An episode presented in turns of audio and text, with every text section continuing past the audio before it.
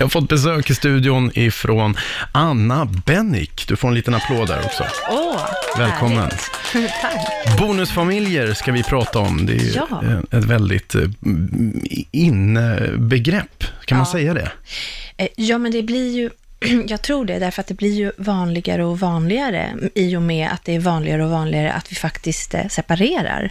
Gud vad hemskt, är det så? Ja, På något sätt. eh, Eller hemskt, ser- det kanske är, Ja, jag, jag, jag, jag tänker så här, om man ser det över hundra år, så, så här, 1907 så skilde sig fem par eller sju par eller sådär i, i Sverige, medan 1917 så är det 25 000 par som skiljer sig eh, i Sverige. Och, men eh, jag tänker att vi skiljer oss mycket för att vi kan. Mm. Eh, så att det behöver inte vara någonting dåligt. Nej, det behöver absolut inte vara någonting negativt. Det var bara min spontana Ja, reaktion. så ja, men det är vår spontana re- reaktion. Hjälp, och nej, Mm. det gick inte, misslyckande och sådär. Men, men vi ska nog tänka att det är ganska bra att vi kan skilja oss idag. Vi ska ju säga det, en bonusfamilj är då när man har separerat och så har man barn med sig ifrån sitt tidigare förhållande och startar en ny relation då, som man, ja, med någon som kanske också har barn då, Ja. som man startar en relation med. Och eh, då ställs man ju inför eh, vissa svårigheter.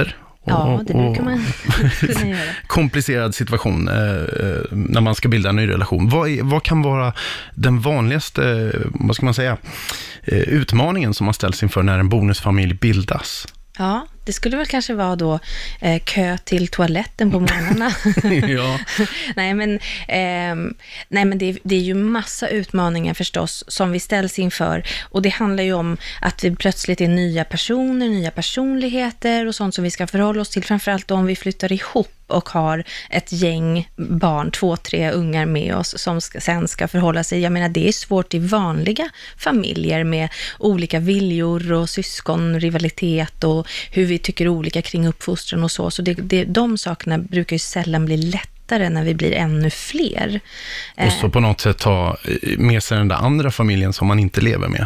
Ja, men precis. Den måste ju också synkas med Ja, på något den sätt. ska och det- synkas med också, så det blir mer logistik och fler viljor och ökat... Så det, det är självklart så att det är svårigheter, men sen finns det ju också eh, positiva saker. Jag, jag träffar ju många par och en del, en del beskriver ju att ja, men min bonusförälder var en jätteviktig person för mig under hela min uppväxt och sådär. Så att, eh, eller att man är väldigt god vän med något bonussyskon som man har funnit och sådär. Eh, men det är därmed inte sagt att det inte är kantat av svårigheter längs vägen, för det är det ju liksom att leva ihop med andra. Eh, är liksom nödvändigt för att vi ska kunna överleva och fantastiskt och jävligt jobbigt. Ja. Hur möter man varandra i det där då, med de här olika behoven som man har? Eh, man har ju olika behov så, såklart. Och hur, hur möter man varandra i det där då, i en bonusfamilj? Ja, men bra fråga och svår fråga. Jag tror att man ska börja med insikten att det kommer vara svårigheter och svårt. Ibland när vi flyttar ihop lite snabbt och är nyförälskade och tänker att vi är kloka och tålmodiga och smarta och tycker likadant och sådär, så, så det här kommer gå som en dans. Men det gör det sällan, eh, utan att ha liksom insikten att vi kommer möta på olika hinder och svårigheter och när vi tycker olika och när vi, det är mina barn och dina ungar och vad lägger man sig i och inte och sådär. Att man kommer ha sådana diskussioner och sådär. Så, och sen tror jag att hur stora möjligheter vi har att faktiskt acceptera att eh, vi är olika, har olika, olika familjekulturer och sådär. Och kunna släppa saker, det kommer vara en nyckel till hur mycket det blir liksom groll eller bråk.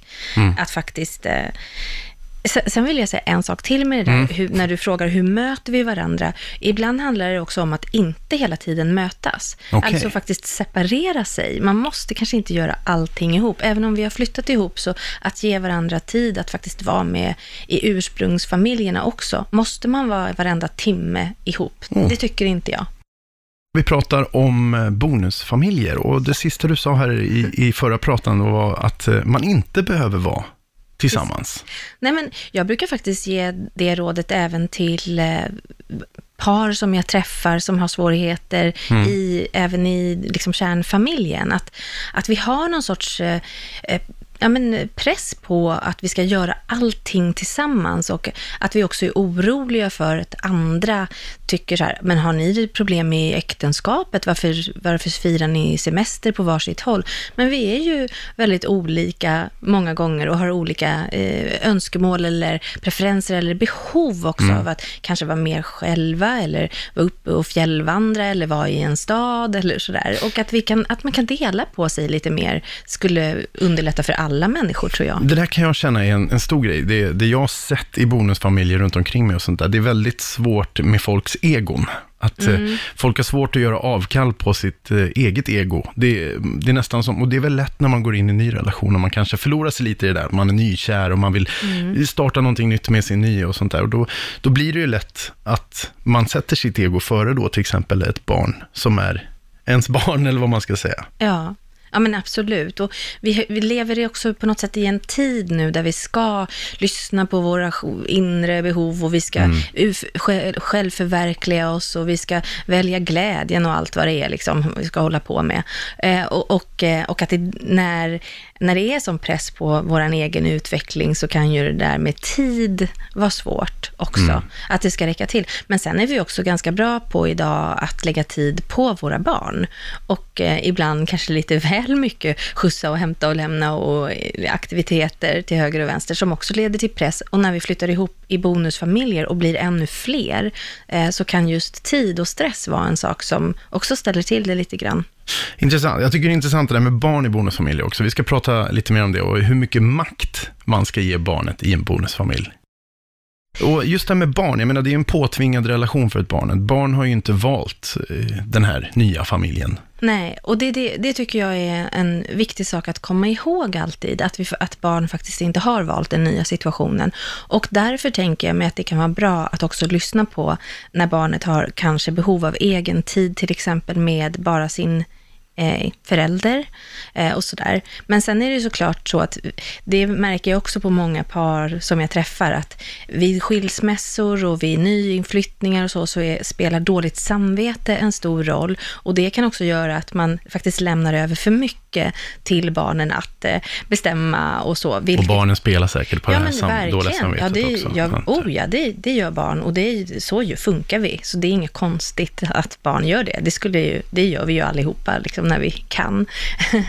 vi funkar lite så. Ja. Eh, men, eh, men, men det kan också skapa lite otrygghet eh, ibland. Så att, men något generellt svar på det där med barn och makt finns ju inte eftersom det finns så himla många olika situationer och ibland är det bättre att ge lite mer eh, makt om man nu tänker att makt handlar om att barnet får sin Bestämma. vilja igenom. Ja, precis. precis. Eh, och ibland så handlar det om att faktiskt sätta gränser. Men, men en sak man ska tänka på där är ju att inte ta de diskussionerna om man är oense om det framför barnen, mm. utan man gör det sen. Isolera konflikter. Precis, ja. exakt. Konflikthantering 1.0, om man säger. Men exakt, det, kanske ja. blir väldigt basic. Läst, kan man säga. Du har läst den broschyren. Precis. ja. Men om man då bildar en, en bonusfamilj, då, nu låter det mm. som att man, det låter konstigt om man säger så, men kanske.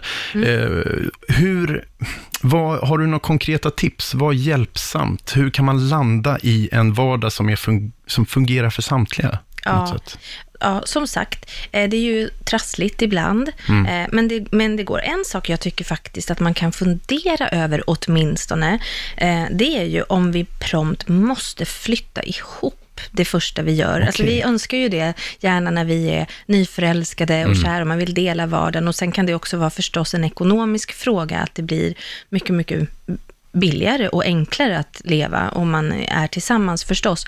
Men ändå så ställa sig frågan, måste vi göra det de första åren om barnen är liksom små eller är på väg in i tonår och sådär? Eller, eller kan vi ordna vår familj på ett lite annorlunda sätt och vänta lite med det där? För att det skulle kanske minska påfrestningar när det kommer till ny, de här alla nya syskonen som mm. barnen inte har valt eller en ny partner som kan vara väldigt fin och bra för personer, men för vissa barn, men också eh, kan vara lite påfrestande förstås. Eh, men om man bor ihop då, så några andra sådana där tipset, det är ju det jag sa, att försöka att inte ta irritationsmomenten vid köksbordet, mm. utan isolera konflikten som mm. du sa. Eh, och sen eh, tänker jag mig också att ge egen tid till barnen med sina egna föräldrar och syskon. Man måste inte göra allting ihop. Det är en sån där också viktig sak som kan göra att konflikter undviks eller minskar också i, i vissa familjer. Så det tror jag är en bra sak. Och så inte glömma bort. Det är svårt. Eh, glöm inte bort att vara snälla mot varandra Nej, viktigt. mellan varven. En Ja. klapp på kinden eller så. Ja, vi, skulle, vi skulle kunna prata om det här hur länge som helst känner jag. Hur länge som Eh, helst. Men det har vi tyvärr inte tid till. Eh. Anna Bennick, tusen tack för att du tog dig tid att komma hit till oss på Rix FM.